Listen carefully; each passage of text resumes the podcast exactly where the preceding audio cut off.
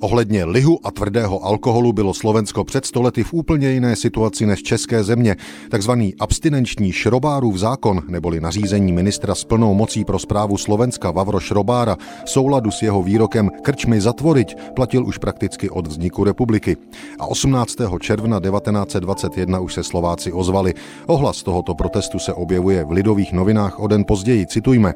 Lihovarníci a výčepníci žádají za těchto okolností revizi, respektive respektive zrušení Šrobárova zákazu výčepu alkoholu, svého času prý nutného z důvodu politických a sociálně politických a dnes již naprosto zbytečného. Od strany Ludové naučilo se již tolik, že vinu za trvání tohoto zákazu svalují na Čechy, kteří prý mají Slovensko za něco méně ceného a chtějí z něho míti kolonii kuliů.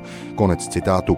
Pravdou je, že jako všude i tento poloprohybiční zákon, protože pivo, víno a dokonce i rum Slováci mohli pít legálně, vedl k expanzi černého obchodu. Lidové noviny se proto ještě vracejí k neúspěšnému zákroku kontrolního sboru hospodářského. Úřední příděly lihu byly prodávány až o 13 korun nad nejvyšší cenou. Výbor tedy zakročil na příslušných místech a podařilo se mu z těchto neoprávněně nabitých zisků dostati přes 4 miliony korun, z nich přes půl třetího milionu bylo hotově splaceno. Na mnohých místech ovšem nemohlo již ničeho pořídit, protože za zisky byly nakoupeny automobily, domy a podobně. Konec citátu.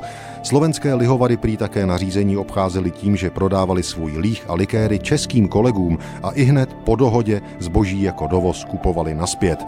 Nedostatek tvrdého alkoholu během let 1921 a 22 eskaloval a vedl často k pití éteru nebo nebezpečného denaturovaného lihu. I z těchto důvodů nakonec Československo slovenský zákon v roce 1923 zrušilo.